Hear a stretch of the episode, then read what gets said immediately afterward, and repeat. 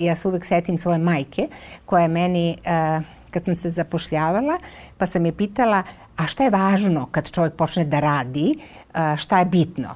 i ona je prvo počela da govori o tome da je važno da se radiš na vreme i tako dalje, te neke opšte stvari, a onda je u stvari joj kliknulo i rekao, a ne, za tvoj posao je najvažnije da kažeš ne. Kako god to neko mislio ili ne, to su jako važne stvari kad novinari podignu svoj glas i kad kažu neću. Nama će trebati, ja mislim, nama će trebati sigurno 30 godina da se mi elementarno vratimo u normalu. Mi smo potpuno izašli iz globa. Mi smo izašli iz šina totalno. Kao društvo smo izašli iz šina.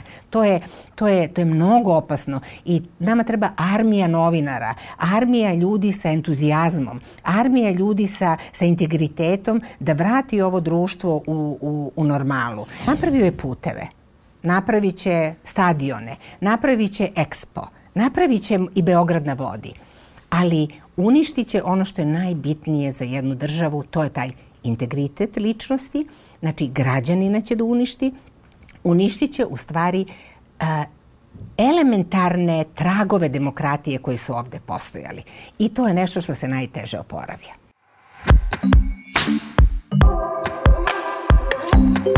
Thank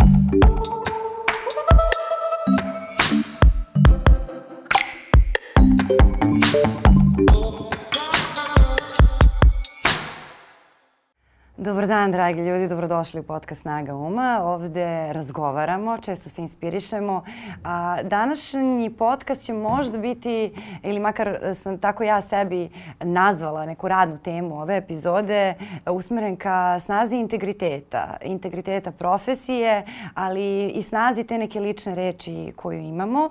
E, tako da se izuzetno radujem što ću razgovarati e, sa koleginicom Vesnom Mališić, e, koja je nedavno podnela otkaz u e, Ninu i koja će uskoro biti, e, mogu da kažem, glavna urednica jednog novog nedeljnika u okviru naše kuće. E, Vesna, dobro mi, dobro mi došli. Moram da vas pitam kako ste i kako je ostatak ekipe koji je zajedno i kolektivno podneo tu ostavku. Dobar dan, bolje vas našla.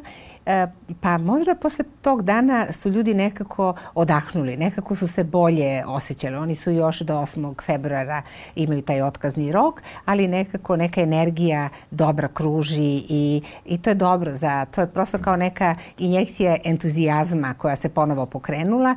Jako je dobro kad novinar osjeća da to što radi ima nekog značaja i za njega lično, ali ima, ima značaja i za javnost, ima značaja i za društvo, ima značaja i za državu, kako god to neko mislio ili ne, to su jako važne stvari kad novinari podignu svoj glas i kad kažu neću. E, dakle, za one koji, koji ne znaju, uh, nedeljnik NIN, najstariji nedeljnik u zemlji sa naj, najbogatijom tradicijom i vrlo i burnom i zanimljivom istorijom, velikim ugledom, uh, promenio je vlasnika, dobio je novu vlasnicu prošle godine. Tu je bilo reči da neće doći do promene uređivačke politike, što nije prvi put da se dogodilo u domaćim medijima. Međutim, vi ste nedavno shvatili da to nije održivo i odlučili ste se na taj jedan pot potez koji zaista dugo nije viđen u, u domaćim medijima na jednu apsolutnu kolegijalnost e, gde su sve kolege zajedno e, podnele e, ostavku, veliki broj vas, dakle članovi redakcije, članovi kolegijuma i sada to što kažete da, da postoji taj jedan entuzijazam, mislim da se on, e, da on nije kod vas. Ja nisam deo te redakcije, čak nikad nisam ni pisala za, za NIN, ali sam o, takođe osetila tu vrstu entuzijazma, tog nekog osjećaja da je integritet zaista živ, da on ima snagu i kada vidite kako ljudi reaguju na to, uh, prosto, eto, posle dužeg vremena nisam bila dinosaurus pod pred sobom samom. Znam kao još uvek, još uvek te neke stvari koje smo učili su, su važne. Jeste, Jeste osetili to? Pa da, ali e, kad vi kažete deo redakcije je odlazio. Ne, ovo se prvi put desilo e, da ode 99% redakcije, ali ne samo to, nego da odu svi kolumnisti, da odu svi spoljni saradnici, dakle sve ono što okružuje uh, jed, jednu novinu, da, da. jel tako, znači sve ono što je orbita novine, uh, sve se to nekako povuklo sa nama i to je, mislim, mislim da će to biti trenutak za, za istoriju. Novinarstvo su napuštali mnogi iz raznih razloga, iz raznih, iz raznih medija, iz Nina su naročito odlazili ljudi, pa vreme je nastalo tako što je, što je jedna, da. jedna, jedna grupa novinara otišla, otišla iz, iz Nina, ali mislim ovako masovno odlaženje je zaista znak da nešto nije dobro i znak je da su da ipak postoje ljudi ovde koji ne, prih, ne pristaju baš na, na, na sve. Novinari Nina su jako bili osetljivi na, na, na to što, što se zove integritet i na to što se zove sloboda. Dakle, mi smo mogli da trpimo razne druge stvari ako smo imali prostor slobode i zaista smo ga imali. Dok je kompanija Ringier bila vlasnik Nina, ona je nama dala taj prostor slobode, nismo imali sve drugo što, što bi recimo bilo važno da imamo. Nismo imali podršku u smislu marketinga, nismo imali podršku u smislu da nas kompanija podržava, reklamira, Nismo imali podršku u smislu toga da, da naši novinari koji rade pod ugovorima da budu zaposleni posle 2, 3, 4, 5, 6 pa do 10 godina. Dakle, sve to ostajalo tako kao jedno, mi smo se nekako uh, osjećali kao neko napušteno dete ili kao nekako, neko neželjeno dete, ali smo bili s druge strane srećni jer smo mogli da radimo ono što mislimo da je važno. Onog časa kad je to, kad smo osetili da to može da bude ugroženo, onda su nekako svi ljudi e, reagovali na jedan način koji je koji je, ja sam mislila, zaboravljen u, u novinarstvu. Da, da kažeš, e, neću. E, ja to neću. Ja ne želim da mi niko menja koncept novine na način da, da se to ne primeti, da mi malo uvodi ekonomije, pa mi malo uvodi sporta, pa sad jedan politički nedeljnik od jedan put osvane u jedan pripitomljeni, lagani, lagani nedeljnik u kome će biti i malo kritičkih tekstova, ali sve manje. Dakle, e, tiho menjanje krvi, što ja kažem, tiho umiranje prirodnom smrću. Kao nedeljnik koji ima 89 godina, možda to onda, e, e, on bi verovatno vaskrsao u u nešto drugo. Što je on kroz istoriju imao razne, razne, razne svoje, razne svoje fenomenalne uspone i razne svoje tragične, tragične padove. E, na sreću mi smo imali period jedan u kome je NIN se nekako profilisao kao izrazito kritički politički nedeljnik sa jakim istraživačkim tekstovima, sa jakim političkim analizama i to je ono što, što ljudi iznose iz tog prostora i unose u novi nedeljnik. E, I tu postoji ta jedna energija među kolegama da ste zaista prijatelji iz rova, e, što bi se reklo. I meni se čini da, da jedan, jedan od razloga zbog kojih to izumire jeste upravo to što ima sve manje tih, tako da kažem, malih redakcija e, gde ne rade stotine, stotine ljudi, jer prosto ta vrsta energije ne može na taj način da se, da se uspostavi i poverenja. Kako je to izgledalo u Ninu i da li možete, na primjer, da, da uporedite tu, tu solidarnost koja postoji sada, često se e, govori i često se poredi sadašnje stanje sa stanjem u medijima tokom 90-ih. Vi ste i tokom 90-ih radili takođe e, u, u nedeljnicima koji su da. e, ko, koji ovaj, nisu bili po, po volji vlasti, ako tako mogu da se, i koji su isto funkcionisali po tom principu rova. Da. Pa imali ste različite načine. Znači, 90. godina su mahom novinari, kad pogledamo RTS, tu su otpuštani novinari. Dakle, to nisu mnogi mnogi nisu ni otišli svojom voljom, nego su redakcije pražnjene i čistile su se kroz razne razna otpuštanja. S druge strane je bilo i to da su ljudi, ljudi odlazili ili su odlazili iz nekih medija, pa i naša borba kad je pravljena. Pa, dakle, bilo je mnogo migracija e, novinara nekako pokušavajući da nađu neki, neki svoj slobodan prostor. Ova trenutna situacija je jedna specifična zato što je zato što smo imali utisak da je vlast nekako zaposela jedan ogroman medijski prostor, pre svega televizija sa nacionalnom pokrivenošću i onoga što su tabloidi i da je uh, nekako te male medije, da tako kažem, e, pre svega pisane, ostavila na miru jer su, jer su oni za Boga izgovor pred svetom da nije sve ugašeno. I nekako u toj niši smo mi i živeli verujući da oni će da nas napadaju, ali nas neće, neće nas dirati. Dakle, kad je vlast shvatila da, da ipak to što neko ima mali tiraž ne znači ništa da neće da podigne veliku buku ako napravi e, neki tekst.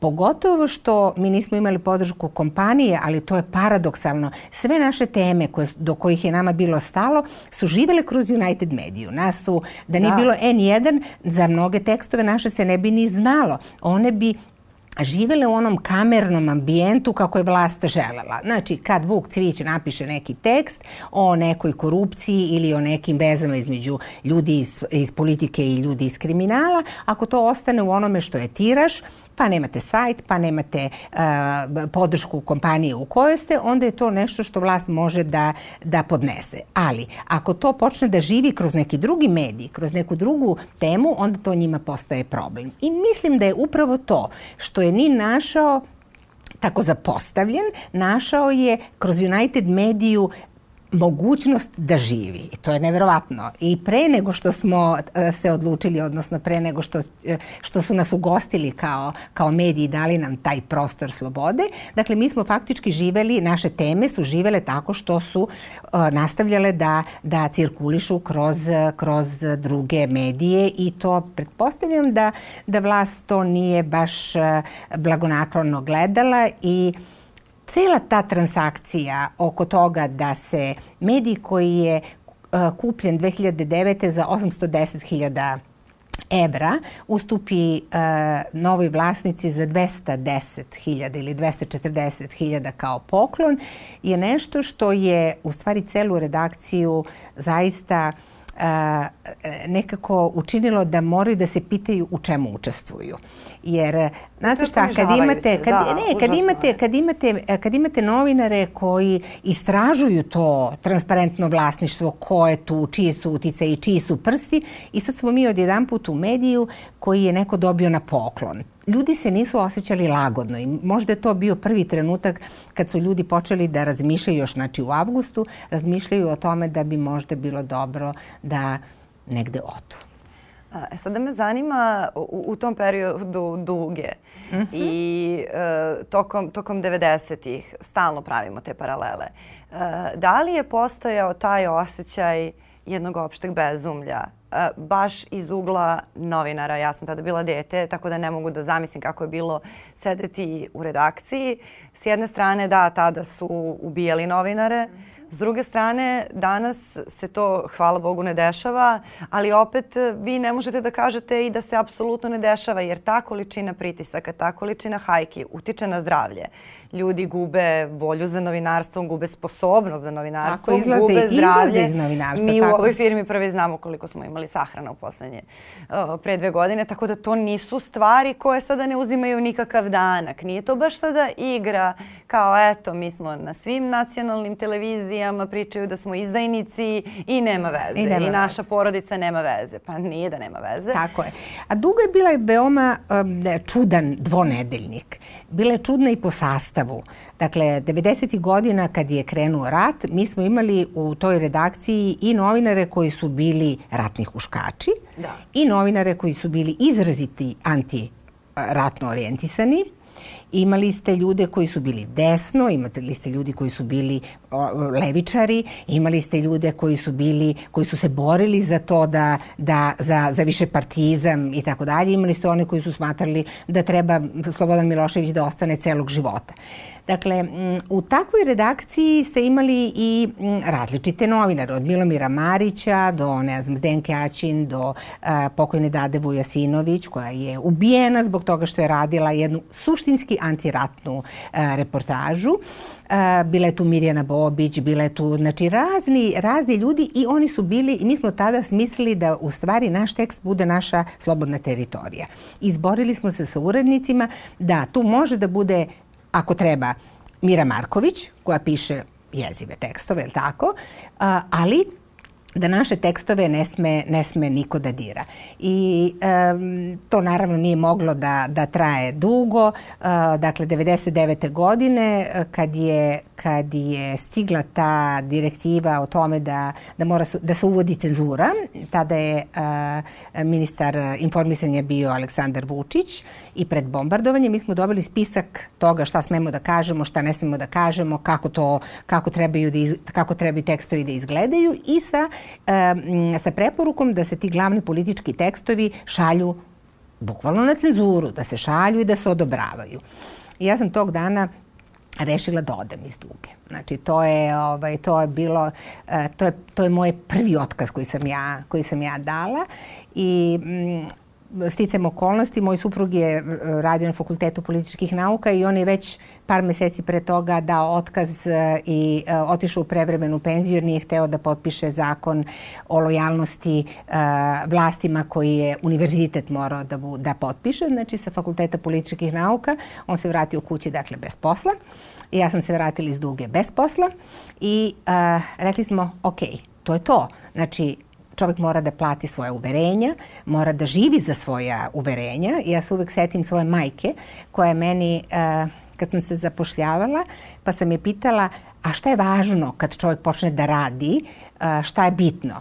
I ona je prvo počela da govori o tome da je važno da se radiš na vreme i tako dalje, te neke opšte stvari, a onda je u stvari joj kliknulo i rekao, a ne, za tvoj posao je najvažnije da kažeš ne.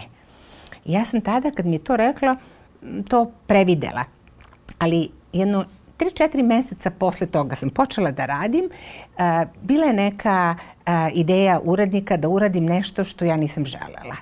I ja sam se setila svoje majke i rekla sam onako, ne, ja to neću i mislim da je za novinare jako važno da kažu urednicima neću kad ne veruju u ono što radi. Ta, uh, to kako su uh, urednici i mediji porobili E, novinarsku volju da radi ono što želi i što za, i za čega stoji je nešto najstrašnije što se nama dogodilo. Jer smo mi u jednom periodu, posle, sad poslednjih desetak godina, dobili ogromnu armiju novinara koji rade sve što im se kaže.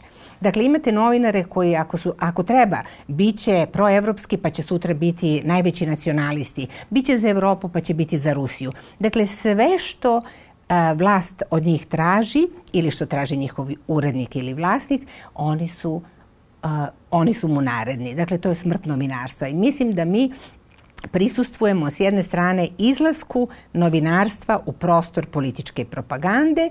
Imamo ove, što vi kažete, dinosauruse ili poslednje mohikance koji veruju da, da novinarstvo ima smisla, da možda ima snage, da je možda ovog trenutka slabo, ali da taj plamen mora da se čuva. Da, jeste i mnogo vam hvala na tome. Meni se dali neku, neku volju još tako kreće nova sezona. E, iako ovaj podcast nije klasična novinarska forma, dakle tu i ja iznosim neka svoja mišljenja, često sam subjektivna, prosto tako je, tako je formiran, ali da, ja u biti jesam novinarka čak i kada ne radim e, novinarske, novinarske priče i, i to zaista daje neku snagu. Ja sam se naježila dok ste, dok ste govorili, eto toliko je tužan moj život novinarski u tom nekom smislu, e, jer e, ne znam, i prolaze nama godine. Da, ali mi, uh, mi već 30 godina se bavimo istim temama. Ja se uvek setim pokojnog Andreja Mitrovića, istoričara, koji je stalno govorio ovde rat nikada ne prestaje, samo menja forme. I mi smo stalno u toj, u toj nekoj fazi zaraćenosti, stalno, stalno se bavimo istim temama, stalno smo, no, naši novinari jadni su stalno na ulici, mi, smo, mi se stalno nadamo da će doći neko vreme kad ćemo imati neku, neku normalnu vlast u kojoj će biti normalno da mi, vi razgovarate i s predsjednikom države i, da, i sa ministrom, kad će biti najnormalnije da postoji kritika, to nije ništa strašno. Kad se to neće smatrati antidržavnom delatnošću, nego će se razumeti kao prilika da država i društvo budu, budu bolji. Dakle, stalno razmišljamo o tome zašto smo mi tako, tako nesrećni da, da moramo da imamo vlasti koje, 90. godina smo imali vlasti koje su, koje su pravile konflikti i i ratovali sa, sa svima. Srbija nije bila u ratu, ali su ovde stizali kovčezi i pravile, pravila je haos uh, svuda gde, gde god su stigli napravili su, napravili su haos. Haos. Jugoslavija je rasturena i onda smo mislili to je kraj, to je kraj, to je najgore što smo videli. Onda smo dobili posle 2000-te, dakle taman je Zoran Đinđić krenuo da nekako menja Srbiju u pravcu uspostavljanja nekih institucija i nečega ubijen je. I posle toga je ponovo došla neka depresija, I iz te depresije nekako smo ušli u 2009. pa onda je došla uh, Srpska napredna stranka koja je u stvari prevarila a, prevarila a, a, javnost jer se, jer se prikazala kao neko ko će da bude maltene nastavni, nastav, onaj koji nastavlja ideje Zorana Đinđića. Aleksandar Vučić je prvih nekoliko godina valjda najviše citirao Đinđića. Jeste, on se rebrandirao, on je počeo da nosi naočare, Sve, počeo da bele drži, košulje, potpuno je izgledao drugačije tako odnosu i, na... I nekako uh, ljudi su govorili, pa dobro, možda je on upravo zbog te svoje radikalske prošlosti, možda će on nekako da otvori Srbiju, možda će on biti upravo taj čovek koji će da nas paradoksalno onaj koji je najviše bio protiv Evrope da nas odvede u Evropu. A onda se desio taj, taj, taj, taj, ta inverzija. Delagano, u stvari sve ono što je govorio na početku, zašta je mnoge nevladine organizacije i ljude, čak i ljude koji su bili za Đinđića na neki način doveo u situaciju da kažu, aj čekajte, možda će on nešto da uradi. Vrlo brzo je počeo da vraća istu retoriku, da vraća ljude, da vraća ideje, da u stvari polarizuje Srbiju na način da, da, da razvija i to desno krilo, da nekako ta, taj zahtev za Evropom nekako sve bude tanji i slabiji, a da nekako preplavljuje ovaj, ovaj radikalski talas, tako da smo mi sada došli uh, u situaciju da imamo evropska odela i imamo 19. vekovne ideje. Pomenuli ste uh, tu novinarsku etiku. I mi krizu in integriteta nemamo samo u novinarstvu. Nas verovatno najviše, najviše pogađa ona jer smo mi tu, ali to se dešava svuda i nekako čini se da, da, da, da u većini sistema imamo te blistave primere, pa i kod lekara kada idemo, raspitujemo se pa imamo tog jednog hirurga za kog svi kažu da je pošten, da ne traži mito i da je predan poslu i dosta ovih nekih drugih koji su upitni i da tako u, u svakom poslu i u policiji, eto vidimo neku inspektorku, neku policajku, sve su to neki blistavi primjeri koji na kraju su toliko redki da završe na naslovnoj strani Nina. E, I to, to se nekako čini kao da, da li je to odlika našeg društva? Da, da li je to bilo tako i uvek? Jer to prosto naš sistem. Pa naš, mislim, mediji su uvek živeli na fanatizmu uh, profesionalaca. Ali kad govorite to o integritetu i, i tome, meni sad uh, nekako ovih ovih dana mnogo razmišljam o tome dobro, ovo se dogodilo sa Ninom uh, i mi smo prećutani u svim uh, televizijama uh, sa nacionalnom pokrivenošću koje su, koje su pod kontrolom vlasti. Ali ono što je mene u stvari negde zabolelo, to je da javni servis nije objavio ni vest o tome. Pazite, uh, mi imamo javni servis koji, znači to svi plaćamo. To bi trebalo tamo da sede ljudi koji, koji vode računa o javnom interesu i koji vode računa o istini. Dakle, nije mala stvar kad jedna cela redakcija a, kaže, e, nećemo više, damo otkaz u roku od 15 minuta. Dakle, za njih to nije vest, a na tom RTS-u sedi bar nekoliko ljudi koji su izašli iz Nina. Pa čak i da nisu. Pa čak i da nisu. Dakle, to što je Znači, svuda na svetu to mora da bude vest. E, to je međunarodna vest. To je međunarodna da. vest. Da. Za naš javni servis nije, nije. E, i moje pitanje je, koje se tiče integriteta, novinara i urednika koji tamo rade. Kako oni to objasne sebi? Kako oni, kad skinu šminku i odu kući, šta oni sebi kažu? Ko su oni kad su takvu stvar prećutali? A prećutali su onoliko drugih stvari. I to da su im protestovali ispod, ispod prozora i razne druge stvari koje su, koje su simulirali da, da, da informišu javnost, a nisu u stvari informisali. Ali ovo je nekako drastičan primer koji govori o tome da je njih zaista vlast porobila. Jer to je očigledno bila direktiva. Direktiva je bila da ta vest ne može da ide nigde. Zato što Srbija je prvo medijski nije pokrivena svuda, je li tako? A, a, ali, ali se sad ne dozvoljava ni da se preko a, ovog drugog dela, ni čak ni tabloidi nisu objavili ni, ni jednu reč. Dakle, tolika je, mi smo jednom stavili na, za naslovnu stranu da je Aleksandar Vučić a, glavni urednik svih medija ovih koji su, koji su pod njegovom kontrolom i to je ovog puta apsolutno dobilo svoju, svoju potvrdu na ovoj činjenici. Pa mislim, e, iskreno sad kad ste rekli glavni urednik, ja se ne sećam da je meni nekad urednik e, menjao pitanja. U smislu, ja sada formulišem pitanja, krenem na intervju da mi on kaže daj da vidim i da mi menja pitanja. To se stvarno nikad nije desilo. A, a promenila sam dosta redakcija. On menja pitanja novinarkama kako mu ih postavljaju do, dok mu postavljaju pitanja. To je stvarno... Da, to je jedna takva to simulacija. Je takva, da, Ali mislim da je... To je i za instituciju predsednika države, i za novinarstvo, i za zdrav razum. Ponižavanje i prema gledaocima, prema apsolutno kršenje svega. Da, ali mislim da je najstrašnije nešto što ja mislim da se, da se događa, to su konferencije za medije koje drži predsednik. Dakle, um, mi smo na razne načine prisutovali tome da, da um, političari um, vređaju novinare, da, ne, da se, da se ne, ne ponašaju korektno. Ali uh, on je instalirao konferenciju za medije kao prostor u kome će on uh, glumiti da je otvoren prema svim medijima, a onda će uh, novinare iz medija koji nisu njemu bliski ili, ili ga ne podržavaju, onda će on pre, prvo vređati njih odmah. Znači čim dobije pitanje, on vređa novinara, pa onda preko novinara vređa kuću iz koje je došao, a onda apsolutno ne odgovori na pitanje, nego priča što mu padne na pamet i a, ako novinar pokuša da postavi pod pitanje, što je osnova svega, ako sagovornik ne odgovori, onda on počne da vređa novinara da je on nepristojan, da je ne znam ovakav i onakav. Tako da je da su konferencije za, za medije nešto naj, to je za mene smrt novinarstva uživo.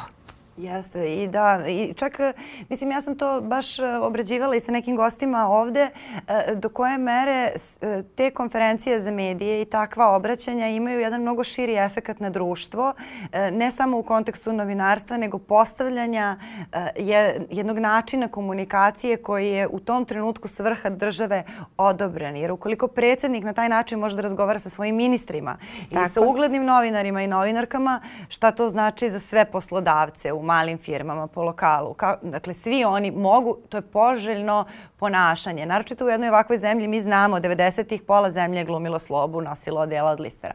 Isto tako u vreme Tita pola muškaraca je želelo da izgleda kao Tito pa su hodali tako. Dakle, to je e, apsolutno čak i, i prirodno iz ugla ovih nekih, kao što su i objašnjavali ovde neki profesori komunikologije psihologije, da se ljudi ugledaju na, na te neke svoje lidere, na ljude koji su najmoćniji. Sada u ovom trenutku najmoćniji čovek u državi šalje poruku da je normalno poželjno i duhovito biti zlostavljački orijentisan u tom nekom verbalnom e, smislu prema, prema ljudima. Tako i to je manir koji se, koji se ponavlja u Skupštini, koji se ponavlja u televizijskim emisijama u kojima, u kojima za Boga postoje neke predizbore, ne, ne, ne, neki, neke, neke glumljene debate. To je to takođe. Znači da vi sagovorniku ne date da govori, da govorite preko njega, da a, apsolutno ne odgovarate na ono što vam neko govori, da imate imate unapred spremljene napade na koji idu lično, da vadite uh,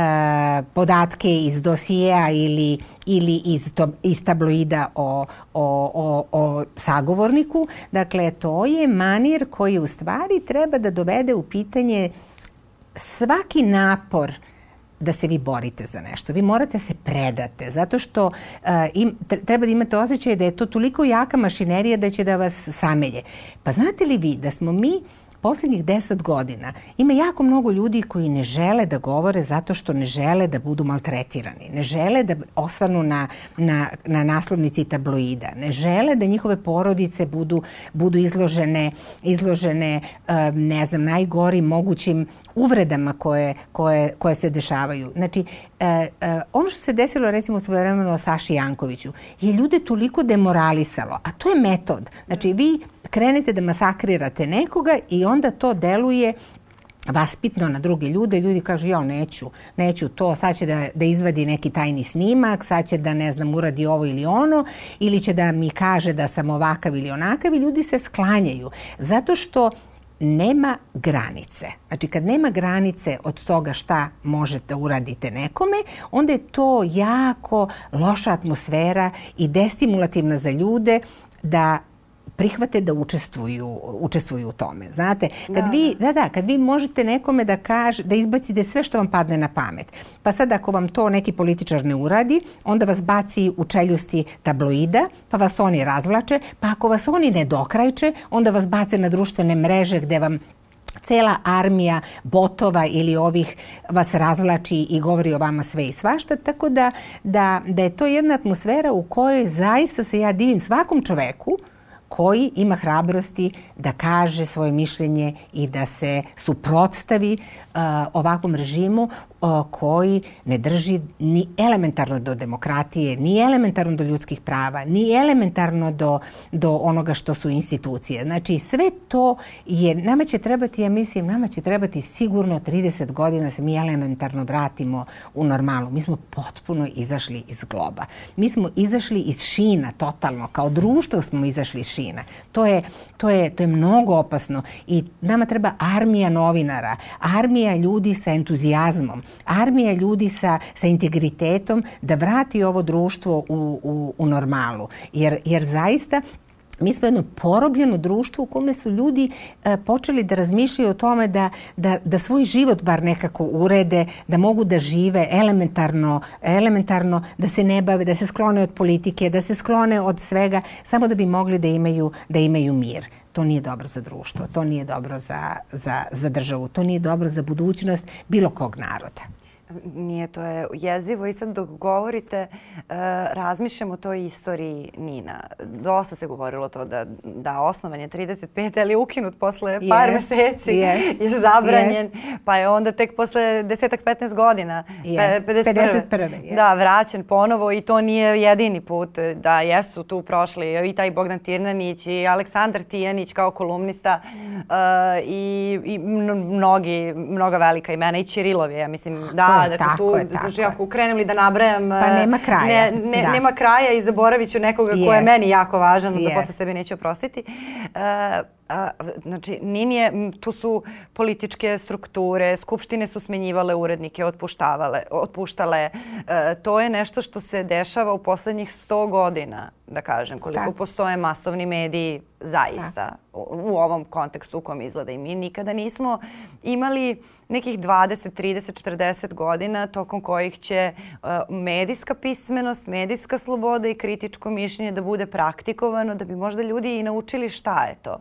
Pa zato što Da li su, to zato prolazi? Pa, da, ali to je zbog toga zato što je vlast shvatila da a, u zemlji koja ima toliko funkcionalno nepismenih, u zemlji koja je siromašna, u zemlji u kojoj je ovakva struktura stanovništva, a, oni su shvatili u stvari da se medijima vlada I oni sad govore imate društvene mreže, pa sad šta su važni mediji, svako može da ode na društvenu mrežu. Ali kad vi pogledate e, strukturu e, stanovništva, kad pogledate e, to kako ljudi žive, koliko su ljudi siromašni, kako izgleda u stvari naša provincija, kako izgledaju naši gradovi, kad vidite koliko, koliko ima penzionera, pa koliko ima ljudi koji su, znači onda vi vidite u stvari da oni računaju na to da se tim ključnim medijima vlada.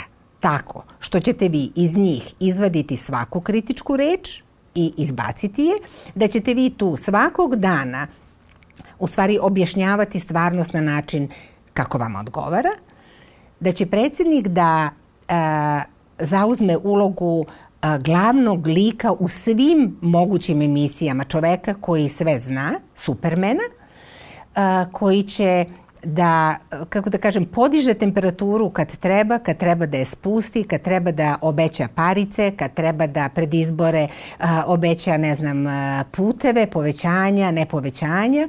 Dakle, ali da se to sve, ceo taj politički inženjering se u stvari dešava putem medija. Ja mislim u stvari da je ključ vlasti, autoritarnih vlasti u siromašnim društvima kakvi smo mi, u medijima I to je ono, zato oni drže porobljene medije. Zato oni ne daju frekvenciju nekom drugom osim onima koji su pod njihovom kontrolom. Zato oni drže javni servis pod ovakvom kontrolom. Zato u stvari a, e, Pink, Happy i svi drugi imaju svoje političke uloge neko na desnici, neko sredina, neko levo, pa kako pa je menjaju kako tako treba, je menjaju, kad... je tako? Tako da da to je bukvalno udar na na mentalni sklop ovog, ovog naroda. Zato mislim da je to jedan opasan inženjering koji se dešava. I ja stalno se šalim, ali to nije šala, da je da u stvari ovo porobljavanje od strane vlasti je na naučnoj osnovi. Znači, ništa oni to amaterski ne rade. Oni tačno znaju u glavu koliko ima siromašnih, koliko ima, koliko ima penzionera, koliko ima članova, koliko ima onih sa socijalnim davanjima ko su ljudi koji mogu biti socijalno ucenjeni, ko su ljudi koji, koji imaju interes da e, finansijski drugi da, da budu uz vlast. I onda imate pojedince, kao što je umetnički direktor opere koji kaže pa neću da potpišem ja da sam da podržavam predsednika za da mi pravite spiskove i da me stavite na taj spisak zato što sam ja za Boga na tom mestu i bilo bi važno da to budem. I šta? Šta se dogodi posle toga? On mora da ode. Dakle, on je podneo ostavku, ali suštinski on zna da tu njemu više nije mesto, zato što to moraju biti sigurne kuće za Aleksandra Vučića. Čim nisu sigurne kuće, sigurno se on ne osjeća onda dobro u, u tom društvu. Dakle, e, e, ono što je meni žao, to je um, činjenica da Aleksandar Vučić želi da vlada Srbijom na ovaj način je doveo u pitanje celu zemlju. On je celu zemlju u stvari um, upropastio. Napravio je puteve, napravit će stadione, napravit će ekspo, napravit i Beograd na vodi. Ali uništit će ono što je najbitnije za jednu državu, to je taj integritet ličnosti, znači građanina će da uništi, uništit će u stvari uh, elementarne tragove demokratije koji su ovde postojali. I to je nešto što se najteže oporavlja. I čini mi se da u svim tim stalnim hajkama, stalnim senzacijama malo po malo ubija ljudskost. Da se to baš vidi, te, jer te podele zaista ljude, ljude pretvaraju u, dveri, u zveri. Yes. Ovo je bilo vrlo čudno. Da. Ovo je bilo, bio vrlo čudan, vrlo čudan lapsus, izvinjavam se. Ljudi zaista pretvaraju u, u zveri i, i vi tačno vidite kako uh, se jedan deo ljudi vrlo lako ponese za nekim hajkama, uh, uvezuju stvari koje ne bi uvezivali. A zato što to traže od ljudi. Osuđuju Oni tra za neke jeste. stvari. Oni da. traže u stvari od ljudi da se dokazuju na taj način. Da se dokazuju na način zverinjaka. I to je što si suroviji i kao, kao političar unutar njihove, uh, njihove stranke, ako si u parlamentu surov, ako si, ako si brutalan, onda se ti preporučuješ kao neko. Pa kako je Ana Brnabić je krenula vrlo nespretno, ali se ona vrlo izveštila u tom grubom, bahatom ponašanju u kome vređa ljude takođe. Dakle, to je jedan način, to je jedan način komunikacije koji se stimuliše tu. Da, I kad vi to sti... idu vređaju ljude. Tako, baš... i kad vi to stimulišete u stvari uh, kroz, kroz državu suštinski, vi to širite kao način ponašanja. Pa mi smo svi postali nepristojni. Mi ne umemo da razgovaramo. Mi ne umemo, mi ne znamo šta znači da vas neko, da vas neko podržava. Nama stalno razvijaju osjećanje da je neko protiv nas. Da je neko protiv Srbije pa je sad Evropa, pa su, pa nas mrze Hrvati, pa nas ne vole Crnogorci, pa nas ne vole ovi. Dakle, stalno neko loše osjećanje vam učitavaju. S druge strane je tu predsjednik koji vam kaže, ma mi ćemo da kupimo najbolje avione, mi možemo da se odbranimo, mi smo, ne znam, e, mi ćemo postanemo neka, neka, neka sila, ne znam, mi smo, mi smo, mi smo važni s te strane, a s druge strane smo snishodljivi, E, tako da, da, da zaista je jedna, jedna jako, loša, jako loša atmosfera. Ovde ljudi nisu srećni. I ljudi beže u druge zemlje. Kad vi pogledate šta govore mladi ljudi zašto, zašto odu. Pa ne, ode, ne odu samo zbog toga što imaju veću platu. Idu zato što imaju mir, zato što se osjećaju srećno, zato što se osjećaju zadovoljno. A zato što imaju osjećaj da ih niko ne nadzire, da, se, da, da mogu da rade svoj posao i da do, od toga mogu da pristojno žive, da u krajnjoj liniji ne moraju da razmišljaju o politici. Pa ne mora svako da misli o politici. Ne mora da misli o politici i prodavac na uh, pijaci zeleni venac ili bilo gde drugo, jer zna da mu od toga zavisi da li će dobiti tezgu, da li će dobiti ovo, da li će... Prosto nekako ta ruka političara prljava ruka politike je došla do onih ljudi do kojih nikada nije morala da dođe. Život se odvija i izvan politike, a ovde je politika sve premrežila na jedan patološki način. E, ovo što ste rekli o izražavanju je jedan od razloga zbog kojih e, je, na mene ta, tako ohrabrujuće uticao e, ovaj vaš kolektivni otkaz i, i zbog čega je, nam je mislim i važan ni ni nedeljnici koji dalje čuvaju. To je ta ne samo etika novinarska nego i estetika koja je takođe deo integriteta i koji mi se čini da, da, da zaista i vrlo izumire jer mi kada govorimo o tim najmračnijim vremenima za, za domaće medije tokom 90-ih, eh, tada uh, su ljudi znali da pišu. Da. Tada su ljudi znali da pišu i ljudi su znali da govore. Uh, bili su ljudi koji su imali vrlo čvrst integritet i izražavali su se besprekorno. Bili su ljudi koji su vrlo korumpirani, vrlo diktatorski orijentisani, ali su takođe umeli da pišu. Uh, pa i sama ta Mira Marković. Dakle, ljudi su znali da se izražavaju. Prosto pisana reč e, je sama po sebi svojim kvalitetom ukazivala neku vrstu poštovanja ljudima. Da ti kada čitaš, da si ti čovek. Da je čitanje jedna gospodska stvar, jer te tako tretiraju. Uh, i, I to je sada takođe, čini mi se, mislim, to je naravno posledica u celom svetu zbog to je te masovne proizvodnje Jeste, sadržaja ali, na internetu. Ali ipak se sada vraća svuda u svetu, da. svi veliki mediji vraćaju te sadržaje u stvari za one ljude koji hoće da čitaju i koji hoće da razumeju stvari. Mi jednog trenutka smo, znači to je sve krenulo u žutilo, sve je krenulo u tabloidno i suštinski, pošto su ovi nedeljnici živeli tako nekako u, u, u nišama, u nekim malim, a, malim oazama, vi ste imali utisak da nigde nemate ništa da pročitate. I to je da pročitate analizu, da pročitate dobar članak, da pročitate dobru reportažu i da pročitate pismen tekst. Da. Mi, se, mi se u redakciji šalimo kad, kad imamo grešku zarez negde nedostaje. Onda neko iz redakcije dođe i kaže desio se skandal. Šta je bilo? Ja Nema zareza, da, ne znam na to. Dakle, vrlo smo vodili računa o tome da taj tekst bude pismen i novinari naši su zaista jako, jako pismeni i to je, to je jedan kvalitet kojim prosto nedeljnici moraju da neguju. A naročito, sad mislim da je svuda u svetu... A bi trebalo da bude osnovna stvar. Dakle, pa ovde da. treba da govorimo o visokom literarnom talentu.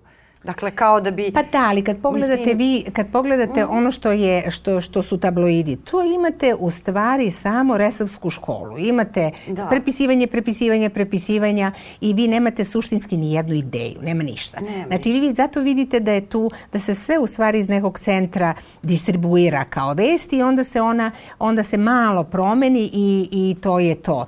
Um, ozbiljan tekst, analitički tekst, traži prvo novinara koji je obrazovan, koji razume stvari, novinara koji i dalje čita, ne samo piše, znači koji i dalje čita, to je jako važno, jer smo mi zaboravili da postoje neke knjige, da postoji neka literatura, da postoji to kad vi idete na razgovor sa nekim piscem ili sa nekim da vi pre toga uzmete pa pročitate nešto, ako niste do tada, znači da se vi spremite.